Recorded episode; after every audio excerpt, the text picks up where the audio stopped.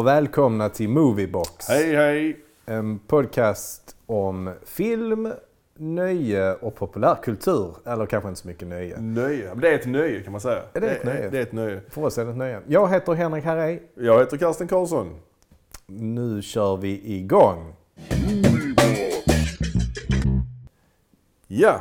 Och det här avsnittet tänkte vi prata om eh, fenomenet produktplacering. Produktplacering. Man Ja. pla- placerar produkter. Ja. Och vad är det för något, Karsten? Ja, det är ju någon form av eh, reklam i filmer alltså. Ja. ja, kanske inte reklam så på det sättet. En spons, eller jag vet inte. Ja, det är ju helt enkelt att ett företag placerar sin produkt i filmen med en synlig logga i filmen. Mm. Det är ju egentligen det som är definitionen. Ja, och sen kan det ju vara, ibland vara ännu mer synligt än bara loggan. Det finns ju exempel på dålig produktplacering så att säga. Mm. Där det liksom blir för mycket. Där det Ja. tar över själva filmens story. Där filmens story hamnar, hamnar i skymundan. Och så finns det ju exempel på bättre produktplacering där det integreras på ett annat sätt i, i handlingen. Och det ska vi prata om. Ja. Och ja, man kan ju bara ta lite, lite historik kring det kanske. Mm. Ehm, tror du det är ett eh, nytt eller gammalt fenomen detta? Ja, när du säger så så tänker jag att det är gammalt. Ja, det är gammalt. gammalt. Redan 1919 faktiskt så, Mhm. så nämns eh, den här termen med product placement liksom i en, eh, i en eh, amerikansk eh, tidning då som heter Harrison Report. Ja. Eh, Där man då kritiserar det här fenomenet. Liksom. Eh, Och sen ett eh, berömt tidigt exempel det är ju också i filmen M. Fritz Langs eh, gamla film då som är från, är den från 30-talet eller? Peter Lorre. Peter Lorre är med, ja. Mm. Precis. Eh, och där har vi också en produkt som är med. Och det är, kan du ha någon aning vad det är för produkt? Nej, ingen aning. En bil? Nej. Nej, Nej, nej tuggummi. Jaha. Wrigley. Wrigley. Jaha. Eh, Wrigley-loggan är, liksom är synlig i ja, åtminstone 30 sekunder. Sen var det väl kanske ingen storindustri det här med produktplacering under, under de kommande... Det förekom lite då och då liksom. Men, men det tog ju rejäl fart på 80-talet. Mm. Och eh, det berodde till stor del på faktiskt att Coca-Cola, Mm. vet du vad de gjorde? De köpte upp Columbia Pictures Jaha. 1982. Eh, och eh, hux flux så ökade, synlig, ökade synligheten av eh, Coca-Cola i eh, Columbia-filmer. Ja, ja, ja. Och det är ju också ett fenomen som eh, liksom har, eh, har fortsatt lite grann. Att vissa företag är ju ihopkopplade med filmbolag. Ja, okej. Ja, men som till exempel Sony då. Köpte ju upp, vilket bolag var det de köpte upp? Det där är ju Columbia också ju. Det är Columbia. Ja. Eh, precis, men de, de köpte upp det senare. Ja. Och i de filmerna så används det en dator i någon sån film. ja. Eh, så är det ju alltid en Sony Vaio. Eller det var det Ja. under de åren där Sony Vaio producerades. Liksom. Mm. Det, fin- det, eh, varumärket finns ju inte kvar längre. Nej.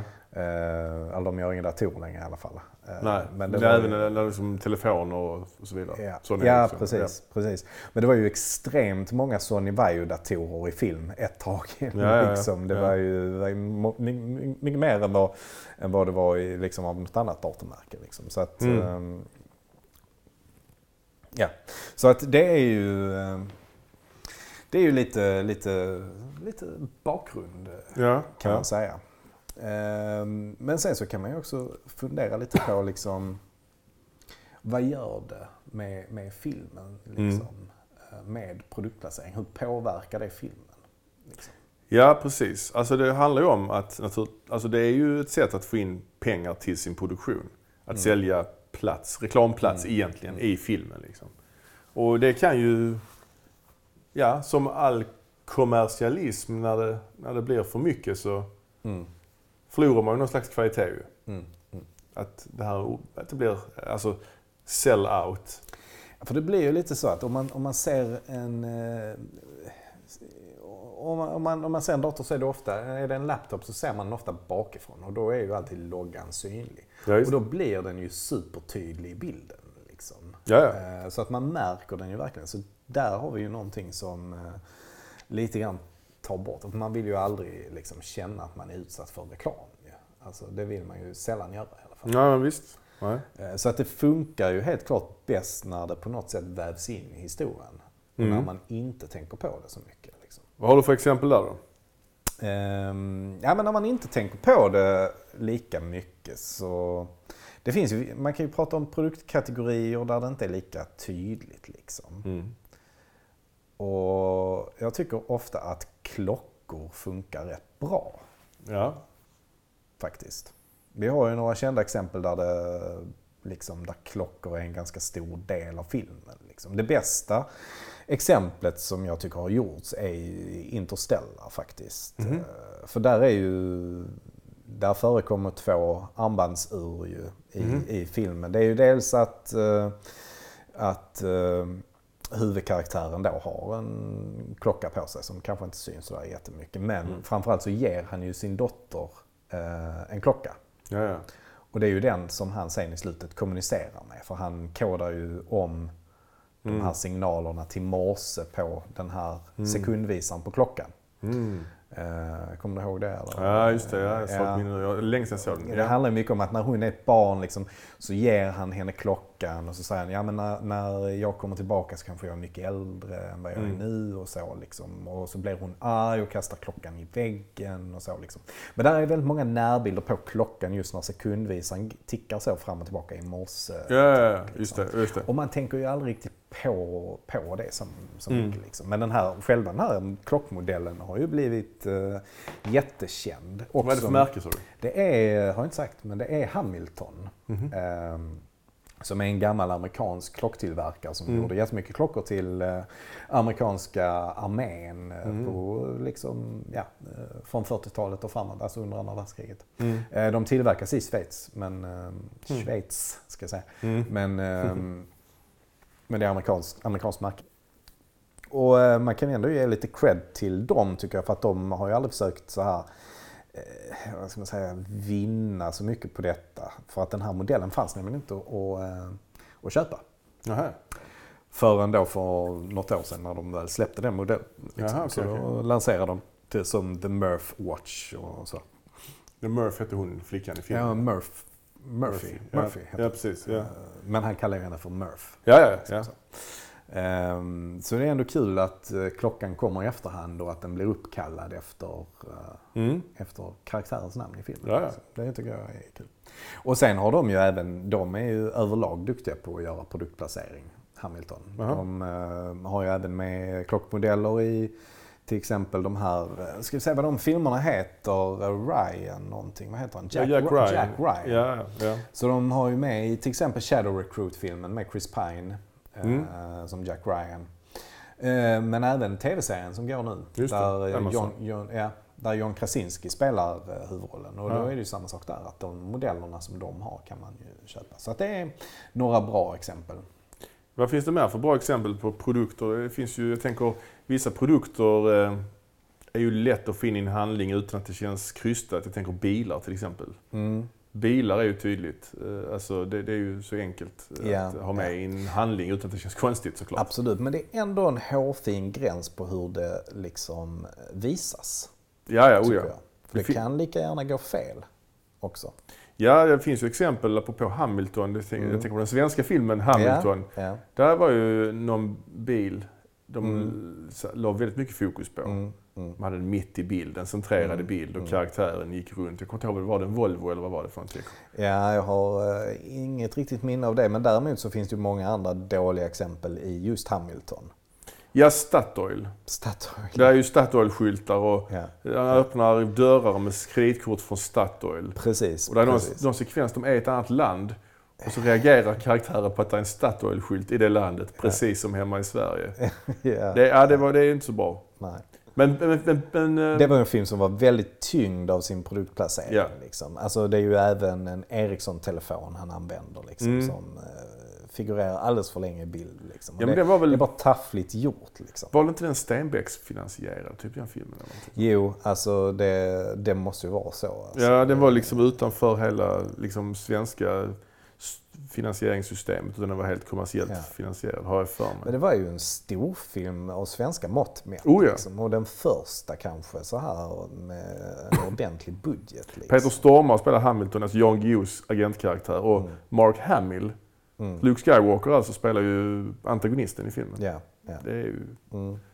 galet Alltså det är, det är galet hur stort. Och jag menar vid den tiden var ju Peter Stormare ett attraktivt namn i Hollywood. Ja, ja. Alltså han kunde ju välja och vraka liksom. Så att det var ju säkert inte billigt att få eh, tillbaka Nej. honom till Sverige just då när han var som störst kanske. Nej, precis. Um, En annan, en andra bilar då på film. Där det är mer lite tydligt liksom. mm, där ja, det men, mer eh, funkar bättre. Ja men James Bond tycker jag, Mm. eh, där funkar det ju väldigt bra. Ja, han har ju länge förknippats med Aston Martin va? Aston Martin i de tidiga filmerna. Ja. Eh, sen hade han ju Lotus i eh, de eh, filmerna där på 80-talet med Roger Moore. Ja, och även där den Spy Who Loved Me också var 77. Mm, ja, Den Där- kör under vattnet. Ja precis, Ja. det var där den nog gjorde sin entré. Så Ja. det var 77 liksom. Ehm, och sen på 90-talet gick han över till BMW. Ja, just det. Mm, Just det, med, med Pierce Brosnan. ja, precis. Omega-klockor också va? Omega-klockor, precis. Ja. Eh, och där känns det som att produktplaceringen blev kanske lite mer uppenbar också. Mm. Med Pierce Brosnan. Liksom. För det var Mm. mycket mer fokus på att det var Omega han hade. Liksom. Ja. Bond hade ju tidigare Rolex. ja, det. Eh, Men det var inte lika starkt fokus på det. Nej. Eh, Det var inte lika, det var inte lika uppenbart. Liksom. Nej, kanske inte. Eh, Även om det är någon film där han använder klockan till att skjuta laser med och ha sig va? Ja, just det. Just det. Och Det så. är nog en Seiko tror jag. Ja, okej. Faktiskt. Han har haft ja, dem Det är också. en Seiko han har. Eh, på tal om klockor så finns det ju jättemånga exempel på när det används på ett bra sätt. Eh, Arnold Schwarzenegger är ju också förknippad med Seiko ifrån filmerna Commando, Predator och eh, Raw Deal tror jag. Eh, där han har då en speciell klocka som heter, idag kan man köpa den också, den kallas för Arnie Watch. Mm. Eh, så att det har också varit en lyckad... Är samma modell han har i alla filmerna då också. Ja, i de filmerna är det samma. Ah, modell. kul. så det är liksom en dykarklocka fast med en liten sån digital ehm, Mm, display liksom. display högst upp. Liksom. Så det är Ja. både digitalt och analogt. Liksom. Mm. Och det passar ju in till den karaktären för det är så Mm. slitstarka, vattentäta klockor. Liksom. Så det passar Ja. ju verkligen i Predator att han har en sån. Vad finns det mer då för produkter liksom? Ja, men man, jag tänker mig lite liksom så här. Vad gjorde, vad, vad gjorde Top Gun och Risky Business för varumärket Ray-Ban? Mm, precis. Precis. Alltså Ray-Ban var ju kanske inte sådär jättehett liksom. Men, men efter Risky Business liksom och Tom Mm. Cruise hade på sig sådana här Wayfarers liksom så ville ju alla ha det och det blev ju 80-talets eh, solglasögon. Ja, och sen har han väl pilotversion, Pilotversionen då. spegelglas i ja, Top Gun. I, i Top Gun. Mm. Eh, så att där är ju också definitivt ett lyckat eh, exempel. Ja. Eh, Ja, det finns, det, finns ju, det finns ju många sådana bra. Alltså jag tycker en rätt rolig, helt, helt annan sak. Men i Castaway, filmen med Tom Hanks, Just det. så har han ju en volleyboll Mm. av märket Wilson. Just det, som han sen döper till Wilson. Och så döper han ju den här Ja. bollen till Wilson och pratar ju hela tiden med Wilson. Ja, just det. Ja, det är ju, det är ju Alltså där får man ju in det i storyn på Mm. ett... Ja, men jag tycker ändå att det är ett bra... Det är rätt bra produktplacering, tycker jag. Men är inte den filmen också, är inte Fedex i den filmen också? Jo, jobb, Fedex är med där. han jobbar för dem? Han jobbar för dem. Ja. Eh, Och där är det inte lika bra kanske? Det känns inte som att Fedex får så mycket positiv kritik utav detta. Eller positiv eh, liksom, effekt Ah, okej. utav detta. Eller? Nej. För att Fedex är väl ändå rätt kassa i den här filmen då. Ja, Alltså okej. de, eh, ja men han, han blir ju liksom, förliser ju där på en öde ö liksom. Och vad Men- gör de för att... Men de måste väl ändå gett sitt godkännande att använda Ja, det sin... måste de ha gjort. Ja. Ja. Annars, hade de inte, annars hade de inte fått vara med i Ja, det är ju märkligt ändå. Ja, det är lite skumt. Ja. Det är också märkligt att man har två så tydliga produktplaceringar i samma film. Alltså som en sån central del i storyn. Ja, ja, ja. Två rätt så vitt skilda företag förvisso, men en- ändå liksom. ja, Ja, ja, det är, det är kul. ja.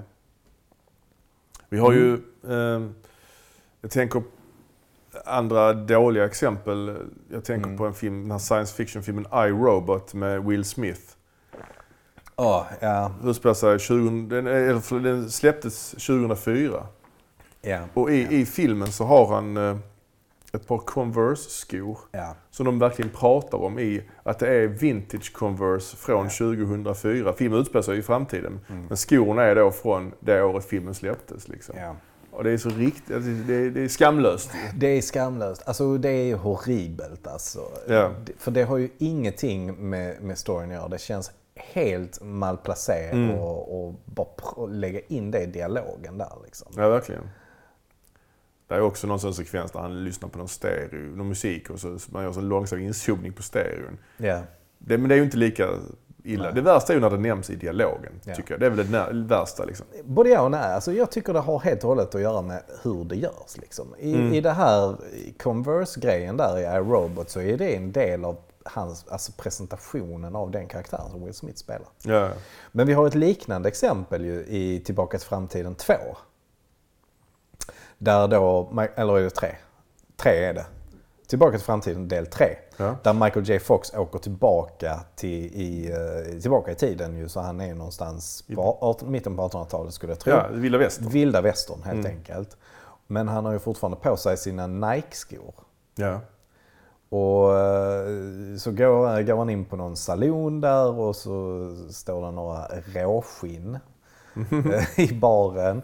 Mm. Ja, som väl vill, eh, vad ska man säga, tuppa sig lite mot eh, Ja, tuppa sig. Michael J Fox. Och så tycker de att han har fula skor på sig. Mm. Och, och då säger Nikkei, what kind of a Indian name is that? Så, Mm. Någonting i den stilen säger de.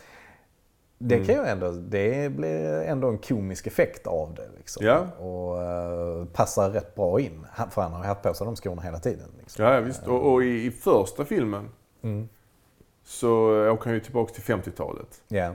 Ja. Och han hamnar ju hos sin mamma när hon var ung. ja, Och då har han ju på sig Calvin Klein-kalsonger. just Och det. då tror ju hon att han heter Calvin Klein, så hon Ja. kallar honom för Calvin. Ja. Där är det också rätt så fyndigt. Jag tycker det är riktigt bra produktplacering där också Ja, faktiskt. Det är ju bra. Ja. Och sen, inte, för att inte tala då om, vad, eh, för att gå tillbaka till bilar. Vad, vad gjorde Tillbaka till framtiden med bilmärket DeLorean? Precis, det är rätt, äh, rätt så unikt. Alltså DeLorean Motor Company som gjorde den här klassiska, den här bilen som är tillbaka till framtiden helt enkelt. De här, Mm. vad heter det? Måsvingsdörrar. Ja, dörrar Ja. som öppnas uppåt som Ja. vingar liksom. De gjorde ju bara den bilen, den modellen. Sen Ja. la det företaget konka ju. Ja, så det hade vi ju redan konkat när Tillbaka till framtiden kom. Precis. Bilarna fanns ju inte längre då Mm. när filmen kom. Men det blev ju en sån kultbil antagligen mycket på grund av den här filmen. Liksom. Ja, ja. Och den, är ju värd, den blir värd ganska mycket pengar, de här bilarna nu, Ja. tänker jag mig. För det finns ju inga, de görs ju inte längre menar Nej, nej. Nej, precis. Och vi har något liknande exempel där i uh, Wayne's World när de kör omkring i en bilmodell som heter Pacer. Mhm. Den eh, gjordes ju inte heller längre då när de körde omkring i den. Men det har ju ändå hjälpt till att ge en kultstatus till den bilen. Liksom. Ja. Eh, ja, och sen även då att i, för att fortsätta på bilspåret då Mm. liksom i eh, den här filmen då med Goldie Hawn som heter Tjejen som visste för mycket på svenska. Mm. eh, så kör ju hon omkring i en folkabubbla där liksom. Mm. Vilket ju var en bil som verkligen var passande för den karaktären på något sätt. Ja, ja, ja. Eh. Men där är ju också frågan om huruvida det är produktplacering eller inte. Liksom. Eh, Och det, det kan vi ju aldrig riktigt veta. Liksom. Men, men troligtvis så är det ju inte så att eh, DeLorean betalade pengar liksom, till produktionen för att få lov att vara med. Liksom, I Tillbaka till framtiden? i Tillbaka till framtiden. Liksom. Nej, nej, den fanns ju inte då. Nej, nej Ja, precis. nej. Den fanns inte längre. Ja, likadant om man jämför till exempel, alltså jag tänker som du snackade om, alltså folkabubblan om huruvida Mm. det var, Mm. det var det jag menade också. Väl? Ja, precis. Och jag menar, jag tänker också på Audrey Hepburn i Breakfast, Breakfast at Tiffany's, den här Chanel-klänningen. Liksom. Mm. Mm. Om, hur man ska, vad man ska säga om det. Liksom. Ja. Det är ju också en, blev hon blev ju en stilikon och den klänningen Mm. blev superpopulär. Men frågan är om, det var ju det Chanel hade gjort klänningarna till filmen. Liksom. Mm. Mm. Så, Ja, precis. Nej, men det är ju inget uh, uppenbart... är ju, man vet ju inte ifall det liksom Mm. Ifall de var involverade i, i det. Att de betalade för att få in klänningen där. Liksom. Men är en riktigt, Troligen inte. Liksom. en riktigt bra, apropå, när vi ändå snackar om Tillbaka till framtiden och Nike-skor, så måste vi också naturligtvis nämna Tillbaka till framtiden 2. Mm. Där han åker till framtiden, Ja, eller det. 2015, Ja, som då var framtiden på den tiden. Ja. Där han har också har Nike, har Nike-skor ja. som då eh, knyter sig själva ju. Eh, och eh, de skorna, där har de ju fått in det på ett roligt sätt att det är fram, futuristiska skor. Liksom. De knyter Mm. sig själva och har någon slags LED-display på sig och så vidare. Mm. Och de släpptes ju, sådana, släpptes sådana skor några år senare. Mm. Och det släpptes även en version sen också som verkligen knöt sig själva. Det gjorde det? Ja. Ja, det är kul. Eh, och de släpptes väldigt få exemplar. Ja. Och all, alla pengarna, de var väldigt dyra och alla pengarna Ja. gick ju till Parkinson-forskning. Ja, eftersom. Michael J Fox då, han lider ju av Parkinson Ja. sedan många år tillbaka. Och där tycker jag det är gött att det är liksom en, en sko som är en del i liksom en fiktion på något sätt. Och det är ju någonting som, alltså det är ju väldigt bra agerat av Nike. Att, Mm. att liksom göra sin reklam på det sättet. För att det Mm. liksom, ja men det, även om kanske inte så många känner till att de är med där i Tillbaka till framtiden och så, så, Mm. så blir det ändå lite buzz och lite hype kring det liksom. Och, och, och det rinner över på liksom varumärket. Ja, ja. Ett annat eh, exempel på, på, på ett skomärke i en film som är kanske lite mer subtilt. Mm. Eh, det tänker jag ju på Aliens, alltså Mm. uppföljaren till Alien, Mm. eh, James Camerons film. Där man har eh, Reebok-skor. Jaså? Ja. Mm. Och de Reebok-skorna släpptes ju eh, ja, typ 30 år senare, Mm. när de, när filmen fyllde 30-årsjubileum. Mm. De har alltså på sig en massa eh, olika Reebok-skor i filmen. Mm. Som är då designade till filmen. Mm. Massa kardborreremmar och skit. Mm. Eh, rätt så höga Reebok-boots liksom. Mm. Som då släpptes under namnet Alien Stomper. Mhm. Så fick man dem i en Okej. kartong med det här varumärket eh, Wayland Yutani. Ja, ja. Så. ja. Och i, i Aliens så är det ju också eh, Seiko. Eh, Jaha. Det är det. För att återvända till klockorna. Eh, ja, och de har också släppt eh, modeller då. En som heter eh, Ripley Watch Ja, ja. och en som heter Bishop Watch. Ja. Och det är då eh, Seiko-klockor som, eh, som de karaktärerna har i filmerna. Ja. Som ser väldigt så speciella och futuristiska ut. Ja, liksom. det är De kul. Väldigt, väldigt så stora och eh, ja. Och de här Alien Stompers, de, de är ju svindyra att köpa nu. De finns ju Ja, inte längre i handeln. ja, Men de kostar ja. närmare 4 000 för ett par. Mm, Liksom. mm. Ja, nu eh, kollar vi på en bild här på de här Ja. Alien Stompers och eh, Ja. man, ja, man kan väl säga att de eh, ser ut att höra hemma i, Aliens Ja. helt enkelt. Det finns också lägre, låga versioner. Ja, Sen de finns det är- också en Bishop. Och det finns de här som ser ut som den här gaffeltrucken också. Ja, ja, ja. De är inte med i filmen. Nej. De, de coolaste är de som verkligen är med i filmen. Liksom. ja, Och det tycker, jag, jag tycker det är kul Det att... är inget för mig tror jag, Karsten. Nej, de är svåra att bära upp. Ja, det är Men- inget man har så bara. Nej, till vardags. Nej. Nej, nej. men jag tycker det är kul att för de nämns ju inte alls. Utan de bara har de skorna. De bara är där liksom. Ja. Ja, det, det tycker jag är fint. Man går inte på några kundmöten med de skorna på sig. Nej, det gör man inte. Har du sett filmen Pulp Fiction? Ja, jag har sett den. Där snackar de om hamburgare från eh, några olika hamburgerkedjor ju. Just det. Jack in the Box, Wendy's, Ja. Och eh, McDonalds. McDonalds och eh, Burger King ju. Ja. Vill jag minnas. Ja. Ja. Ehm, ja men där, där är ju rätt in, de har ju en ganska lång eh, dialog ju om eh, liksom eh, McDonalds framförallt ju. Ja, ja. Att eh, hur det är utomlands, alltså utanför USA och Ja. McDonalds och, och så. Och sen så nämner de även Burger King lite, lite snabbt liksom, Mm. eh, i förbifarten där. Ehm, troligtvis är det ju inte någon produktplacering där. Eh, utan det är ju så som bara dialogen är skriven. Liksom. ja, visst. Men eh, man kan ju ändå tänka sig att det har varit ett uppsving för eh, McDonalds. Ja, det kan man göra. Eh, vi har ju exempel, jag tänker eh, Netflix till exempel. De har Ja. ju De har ju haft, hållit på en del med produktplacering. Ja, Och det står ju ibland när man startar ett program att produktplacering kan förekomma i programmet. Ja. Som en varning liksom. ja. Det är intressant. Ja, men det är intressant med Netflix just för att de, alltså det är en prenumerationstjänst och de har ju ingen reklam i övrigt mer än för Mm. sina egna grejer ju. Ja, men precis. Så att det, de, det sättet de har för att tjäna extra pengar är ju liksom att ta in produktplacering i sina egna produktioner i så Ja, fall. Liksom. Eh, och där, det förekommer ju rätt ohämmat alltså. Ja, ja det gör det ju. Där finns det många taffliga exempel. Ja, jag tänker till exempel på House of Cards, deras första Ja. egna serie. Ja. Den började väl... Det var rätt så okej i början. Det var alla hade Mac-datorer. Mm. Rätt så mycket. Och då tänker man, visst, det kan väl folk ha. Ja. Men sen övergick det rätt mycket till, till Sony.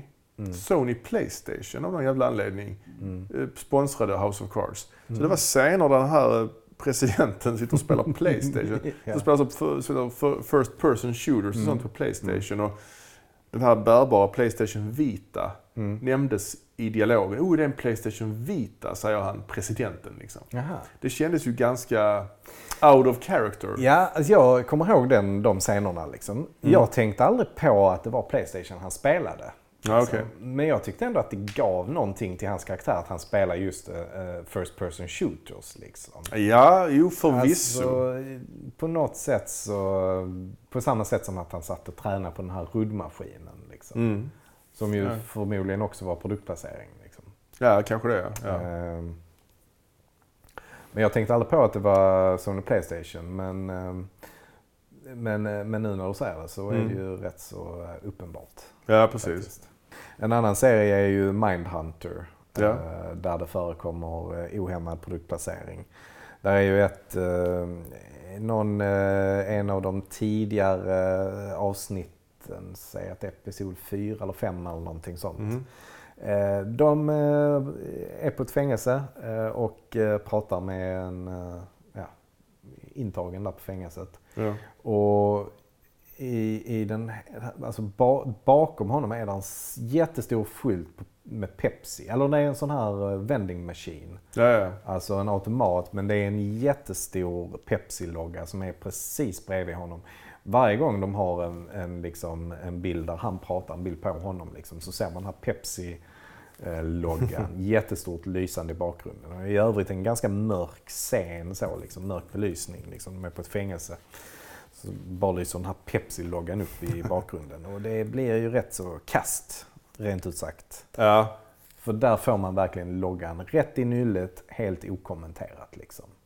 ja. Så det är, det är väl framförallt det som, som avgör tycker jag. Är, är, det, är det omotiverat med, med att man får en logga intryckt i, i huvudet så blir det inte så bra. Nej, samtidigt så, ja, det var en vending machine. De existerar ju på riktigt och så vidare. ja. Ja, det gör de ju. Absolut. Jag tänker också, när vi ändå pratar Netflix, eh, Stranger Things. Nu Mm. i säs- i säsong tre. Mm. Det är ju en serie som utspelar sig på, Ja. på 80-talet. Och dels hade de ju en, ett samarbete med Nike. De gav Mm. ut eh, Stranger Things Nike-skor sen i Mm. efterhand. Men där är också en sekvens med Coca-Cola. Mm. Det var ju så på 80-talet att Coca-Cola ändrade sitt recept Mhm. och eh, gav ut en, en ny cola. De ändrade receptet i alla fall. Mm. Och det blev ganska utskällt. Mm. Så de tog tillbaka den gamla colan och kallade den för Classic Coke. Så New Coke och Classic Coke. Mm. Och där är en sekvens i, i, i Stranger Things säsong 3 där de pratar just, där en av karaktärerna av de här pojkarna pratar om den nya colan. Och tycker att den är godare än den gamla. Mhm. Och han jämför, han drar paralleller mellan eh, The Thing, John Carpenters The Thing och den gamla The Thing. Mm. Och menar då att han New Coke är alltså John Carpenters The Thing, alltså bättre än originalet så att säga. Ja, ja, ja. Och det är ju också, ja, det är ju skamlöst såklart. Ja, ja. Och sen var det tydligen så också att Coca-Cola, alltså nu idag på riktigt, Mm. gav ut den här, för det här receptet från 80-talet Ja, hade förs- var, inte, fan, finns inte längre. Nej. Men i och med de, samband med Stranger Things gav de ut den här New Coke igen liksom. Mm. I kraft av det så att säga. Där är ju en annan eh, produktplacering också som jag ändå tycker funkar rätt bra. Mhm. Det är ju att eh, hon då, Eleven, huvudkaraktären i Stranger Things, Just det. vad älskar hon mer än allt annat? Vad heter det? Moon Pie? Nej? Nej, det är Waffles. Eggo. Ego, just det. Just det. Eggo Waffles. Just det. Och eh, Eggo är ju, det är väl eh, Kellogg's tror jag som, eh, Ja, ja, ja.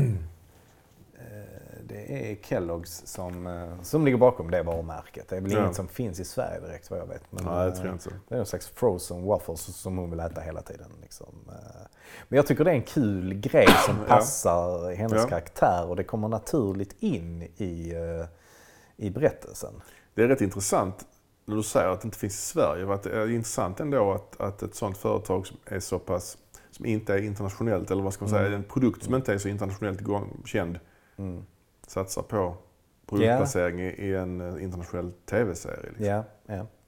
Det finns ju exempel, eh, jag tänker den här gamla science fiction-filmen från 90-talet, Demolition Man. ja med just- Sylvester Stallone och Ja. Wesley Snipes. Det handlar om Stallone är en polis, Snipes är en skurk. De Ja. frys, fryses ner och tinas upp så att säga i framtiden. I något slags ny, nytt samhälle där liksom, Man får inte svära. man får inte svära, det får man böter. Det är väldigt så här. Man får säkert inte ligga med varandra heller. Nej, det är mycket sånt. Det är väldigt, Mm. väldigt liksom eh, Man rent. byter, det är något sånt, man byter kroppsvätskor med varandra istället. Just det, det är rent och städat liksom. Ja. Inget våld och så. Och han den här Ja. skurken då, han går ju loss där som Ja. fan. Men det är intressant också vad man nämner i då, den här framtiden nämns att den enda restaurang som finns kvar är Pizza Hut. Alla den, enda, den godaste restaurangen, Ja. det är bara den som finns. ja. Eh, och, och det är ju det, kan, det är ju tydlig produktplacering. Men tydligen var det också så att när den här filmen gick på bio i USA, då Mm. var det inte Pizza Hut, utan då var det Taco Bell istället.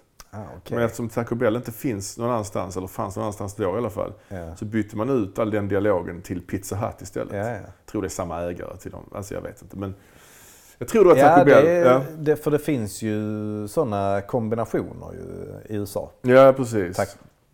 Ja. Taco Bell och Pizza Hut kombination. Ja, precis. Eh, något annat riktigt uselt exempel där det bara blir eh, helt fel. Eh, James Bond, Mm. vad dricker han?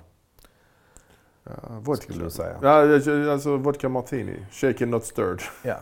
Eller dry martini kan man också Ja, ja, ja. sträcka sig till. Liksom. Det var ju det han gjorde i början i alla fall. ja. Sen är någonstans Pierce Brosnan går över till att dricka ibland ren vodka. Ja, han sitter och shottar det någon gång. shottar den. ja. Men han dricker i, i alla fall inte Heineken. Men det gör ju, eh, det gör ju Daniel Craig då i Skyfall. Går in och beställer en Heineken. Liksom. Ja. Alltså det, det känns ju bara fel ur alla, Ja. på alla sätt och vis. Liksom. Han ska fan inte dricka Heineken. Nej, nej verkligen. Nej, det stämmer.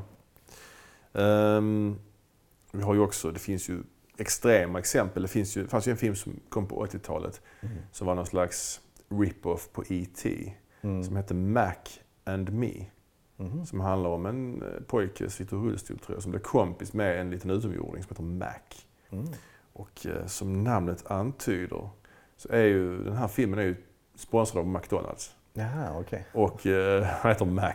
Och där är någon sekvens de är på McDonalds och äter. Och de har så, Ja. någon slags dansnummer där Ronald McDonald är med och dansar. Och, Ja. alltså det är, filmen är ju eh, en riktig kalkon alltså. Men det var ju McDonalds, eh, han som eh, producerar filmen har tidigare, tidigare jobbat på McDonalds marknadsföringsavdelning också tydligen. Jaha. Så att, eh, Ja, ja. och jättelångt dansnummer också. Ja. Det, det är omotiverat såklart. Jo, alltså jag tänkte på en annan grej när man går liksom lite grann ett annat håll. Pirates of the Caribbean. Just det. Alltså hela den filmen är en enda lång produktplacering om man tänker efter. Ja, det är det ju. För den är ju baserad på en ride på Disneyland. Liksom. Ja, ja. Precis. Så- att hela filmen där är ju på något sätt, eh, Mm. ja, alltså reklam för Disneyland. Ännu tydligare exempel är ju Transformers. Ja. Det är ju leksaker. Ja. Och hela det, hela, alltså hela det konceptet det kom ju på 80-talet. Mm. Eh, där var ju, man gjorde ju tecknade filmer för att sälja leksaker. Mm. G.I. Joe var väl samma sak? Ja, G.I. Joe, menar Ma- He-Man and the Masters of the Universe. Mm. Det var ju Mattel som gjorde dem. Mm. Och det ju fort, fortsatt. Transformers har ju blivit stora succéer på bio nu på 00-10-talet. Mm. Liksom. Men man har ju också gett ut leksaker. Nu vet jag inte, leksakerna kanske inte tar lika stor plats i leksaksaffärerna som man, de gjorde på 80-talet. Det finns väl inte lika mycket liksom. Mm. Men ändå, det är ju ändå Hasbro som är producenter till filmerna. Mm. Liksom. Mm.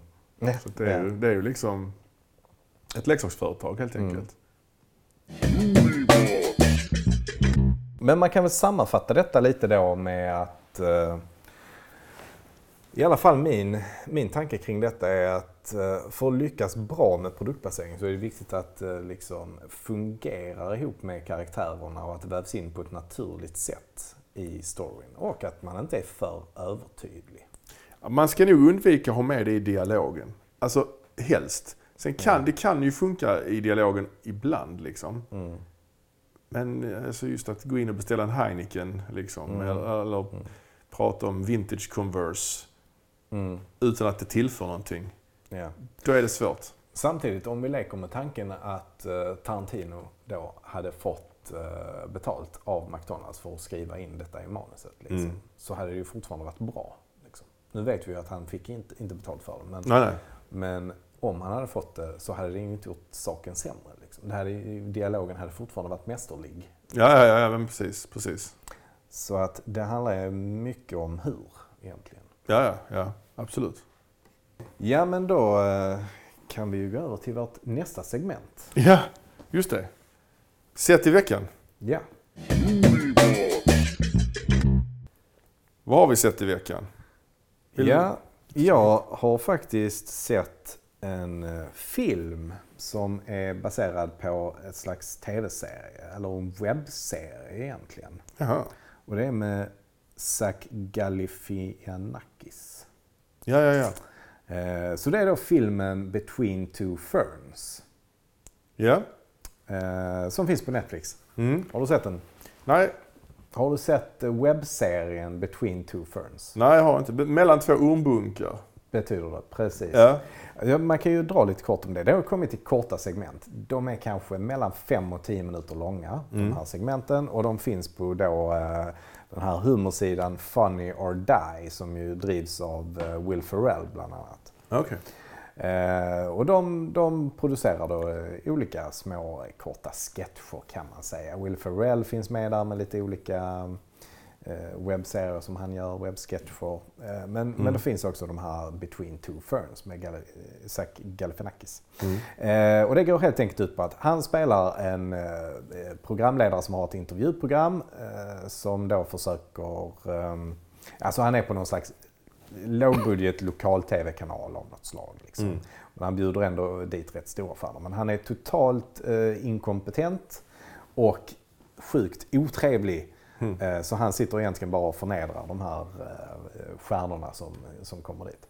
Och där har varit rätt, det är stora stjärnor som är med där. Liksom. Mm, Matthew McConaughey är med till Matthew exempel. McConaughey, jag tror Barack Obama har varit med. Jaha, ja. Eller har jag fel? Ja, det Ja, men, jag kan ha... McConaughey är med i filmen vet jag i alla fall. Eh, ja, ja, just det. Nu, pra- nu pratar jag egentligen om webbserien. Ja, ja, okej, okej. Ja. Ehm, men han har i alla fall haft stora, stora stjärnor där. Liksom. Och eh, en, av, en av de bättre har ju varit då med hans, eh, liksom, eh, hans polare Bradley Cooper. Mm. Det tycker jag är rätt bra. Här börjar de till och med eh, bråka. Men de, men de här funkar jättebra i det här korta formatet. Liksom. Ja, ja. Och de är rätt roliga. Sen så har man då nu gjort en eh, långfilm som finns på Netflix eh, om detta. Mm. Eh, med Zach Zach Galifianakis. Och, och där får man ju mycket mer backstory kring det. Eh, man får veta mycket mer om eh, vilken karaktär eh, alltså han är och så. Mm. Och man, man får en ordentlig presentation av liksom, så här, lokal-tv-stationen och så vidare. Och det är rätt ointressant faktiskt. Eh, Will Ferrell är också med och han ska då få ett slags uppdrag av honom då. Liksom. Och klarar Mm. han detta uppdraget då så kommer han att få en, en, en riktig late night show, alltså Mm. talkshow då, Mhm. på, eh, på nationell tv. Liksom Ja. som ju är hans dröm. Ehm, Men, eh, men den här, alltså att, att göra det till en långfilm tycker jag inte riktigt funkar. Liksom. För Mm, det här blir bra i det korta formatet och det blir, det blir liksom inte intressant att veta vad han, eh, liksom, vad han har för bakgrund och varför han håller på med det han gör. Det, Mm. det är inte det som är kul med Between Two Ferns helt enkelt. Nej, nej. Eh, tycker jag. Ehm, och sen är det ju lite Zach Galifianakis. Vad tycker du om honom? Alltså jag har inte så mycket mycket, mycket koll på honom egentligen. Det är väl han som är hangover va? Ja, han är med hangover. Ja, med skägget ja. Ja, Alltså mycket mer än hangover har jag liksom inte. nej. Alltså han, jag tycker han spelar, han spelar två olika karaktärer. Liksom. Mm. Antingen spelar han den här sura, buttra, liksom Mm. eh, trött på livet-människan. Ja. Eh, och det tycker jag oftast är rätt bra. Liksom. Han, han funkar rätt bra. Han gör ju även stand-up och då gör han ju ofta som den karaktären. Mm. Liksom. Trött på livet och eh, bitter. Mm. Liksom. Ehm, lite av det har han väl i Hangover, men nej, inte riktigt. I Hangover spelar han istället eh, en person som då är eh, lite, lite bakom flötet, eller vad man ska säga. Alltså, eh, en person som inte riktigt har vuxit upp, men som ändå fortfarande är jäkligt, vad ska man säga, också sur och, Mm. och, och, och arg. Mm. Liksom. Mm. Um, Due Date till exempel, där, Mhm. där spelar han ju den karaktären. Men i Between Two Ferns så är han eh, den här sura och arga Mm. karaktären. Eh, och, och helt enkelt så funkar det rätt så dåligt som, som långfilm. Ja. Eh, där är fortfarande delar i det som är som Between Two Ferns som är, som är bra. Mm. Liksom. Men backstoryn och allting runt omkring, det blir rätt tramsigt. Helt Ja. enkelt. Så det är inget du rekommenderar helt enkelt? Nej, det gör Nej. jag inte. Jag tycker istället att man ska leta upp de här eh, Ja. Webbserierna. Eller på YouTube, man kan hitta det till Det kan exempel. vi inte på Youtube. Ja. Mm. Vad har du sett i veckan? ja, jag har sett under ett par veckor, kan man säga. Och det här är har som jag, ett litet udda tips kanske. Mm. Men jag har alltså tillsammans med mina barn då. Mm. Vi brukar inleda morgonen, eh, för att de ska vakna överhuvudtaget, så brukar vi kolla på någon form av tecknad tv-serie. Jaså? Ja, jag, jag bär typ ut dem i soffan, sätter igång tv-serien och så vaknar de Är det så? med tiden. Vaknar de inte annars? Ja, vissa, min son han är jättedålig på att vakna faktiskt. Ja. Men, och då har vi har lyckats hitta ett par serier som faktiskt är, nästan är, alltså de är bra på riktigt. Liksom. Ja. Ehm, och den serien jag tänkte prata om nu, det är alltså en serie som har lite kopplingar till min egen barndom nämligen. Mm. Eh, Den heter alltså She-Ra and the Princesses of Power. Aha. Känner du till detta? Eh, Har det med himlen att göra? Det har med himlen att göra ja. Ja. Det fanns nämligen en serie på 80-talet som heter She-Ra Princess of Power. Ja. Där She-Ra är då alltså He-Mans tvillingsyster. Ja. Alltså det är typ exakt samma, bara att det är en tjej istället. ja. Netflix har då gjort en ny version, en reboot, som heter då She-Ra and the Princesses of Power. Och eh, det är ju en tecknad serie då, men det är liksom inte så här enskilda avsnitt utan det är liksom fortsättning. Det är en följetong, så det kan sluta med en cliffhanger. Så att det är liksom spännande. Mm. Mm. Och det är välskrivet. Det, Mm. det är fascinerande. Ehm, så det är liksom mycket nytt. Man har gjort Mm. om alla karaktärerna. För- för det första så är allihopa så inte, är inte trådsmala Barbie-dockor utan Mm. de ser, har lite mer normala kroppsformer. Ehm, det är nästan bara kvinnor med i serien för det första, Mm. nästan inga män. Ehm, och någon, det är mycket så här HBTQ-representation också. Mm. Eh, Liksom någon som har två pappor och sånt till Mm. exempel. Och någon som är kär i någon annan och så. Och, ja, jag tycker det är väldigt bra. Det handlar ju om en, en tjej då som, som heter Adora. Mm. Som då är en soldat i då en armé, the Horden. Mm. Horde. Nu säger jag det svenskdubbat så nu Mm. har jag Mm. och, ehm, så hon, hon är egentligen med alltså på den onda sidan. Hon fattar ju inte det själv. Hon har ju liksom blivit drillad till soldat sedan hon var liten. Av horden då liksom. Ja. Bland annat av en ond en trollkvinna som heter Shadow Weaver. Mm. Eh, Så har, hon en, ja, så har hon en kompis som heter Kattra, som är en slags kattmänniska då. Och de är ute på ett uppdrag och Adora faller liksom av skeppet och hamnar vilse i skogen. Och då hittar hon ett svärd då. Mm. Eh, Och det svärdet gör då att hon eh, kan eh, förvandla sig till She-Ra. Ja, Som då, ja. som då är liksom en mäktig krigare. Hon Men det är lite som himlen då ju. Ja, ja, oh ja. Mm. Och hon säger till och med by the power of, eller for the honor of Grayskull. Uh, He-Man sa ju by the power of Grayskull. Ja, precis. Men på svenska blir det då gråskalle, ge mig kraften. Eh, hon lär sig då beha- liksom behärska den här kraften och så. Så har hon lite liksom sidekicks och olika andra karaktärer som de eh, blandar in. Mm. Och det är fan, det är, Det är eh, jävligt välutvecklade karaktärer. Till och med liksom de onda får man lite sympati för ibland. För man får Mm. följa hon den här Katra då som är liksom den onda huvudkaraktären. Som är en soldat. Hon är liksom inte den huvudantagonisten. Men det är den, hon är den liksom onda karaktären man får följa mest. Och hon är liksom orättvist behandlad av sina överordnade. Och hon har en sån hatkärlek-förhållande till då Mm. Shira liksom. Eh, och eh, nej, jag, jag tycker det är riktigt bra. Mm. Jag skulle säga att det är en av årets bästa serier nästan. Ja, det- Alltså, det är starkt kanske, men det, den, är, den är riktigt eh, fet alltså. Mm. Jag, jag ser ju det med svenskt tal som sagt. Det kanske är, det är ju såklart säkert ännu bättre med engelskt tal, Mm. tänker Mm. jag. Men ehm, målgruppen där är dina barn egentligen? Ja, alltså, ja. det är det ju såklart. Men i och med att det är de här hälsningarna till 80-talet Ja. så, så, och de här gamla så, så blir det ändå, nu såg inte jag Shira jättemycket på 80-talet, men ändå Nej. liksom. Nej. Där är ju huvudbad guyen heter ju Hordak. Hordak. Ja. Och han, eh, han hade jag som actionfigur när jag var liten. Ja, ja. Så det är lite kul sådär. Det är sen- ingen annan man känner igen? Skeletor? Eller Nej, de är inte med. De är inte med. Men det är något avsnitt där de, där de liksom får sina 80-tals... eh, De ser ut, de, de, liksom, någon slags drömsekvens så att säga, där de Mm. ser ut som de gjorde på 80-talet. Mm. Mm. Vilket är rätt kul liksom. Ja. Så att de Alltså, liksom, He-Man var ju en rätt märklig serie. Alltså. oh ja, det kommer en ny Netflix. eh, De har- ska reboota den också. ja, nästa. så det är, just det. Kevin det Smith jag- ligger bakom det tror jag. Ja, jag tror jag har sett uh, Dolph Lundgren har skrivit någonting eh, på Instagram om det. Ja, men det är en annan grej. De ska göra en långfilm också. Ah. Men de ska också göra en tecknad på Netflix tror jag. Jaha, Så tolkar okej. jag. Jag tolkar det Ja. så i alla fall. Ja, Ja, just det. ja men Shira. Eh, värd att eh, kolla in om Så man... du tycker jag ska kolla på den?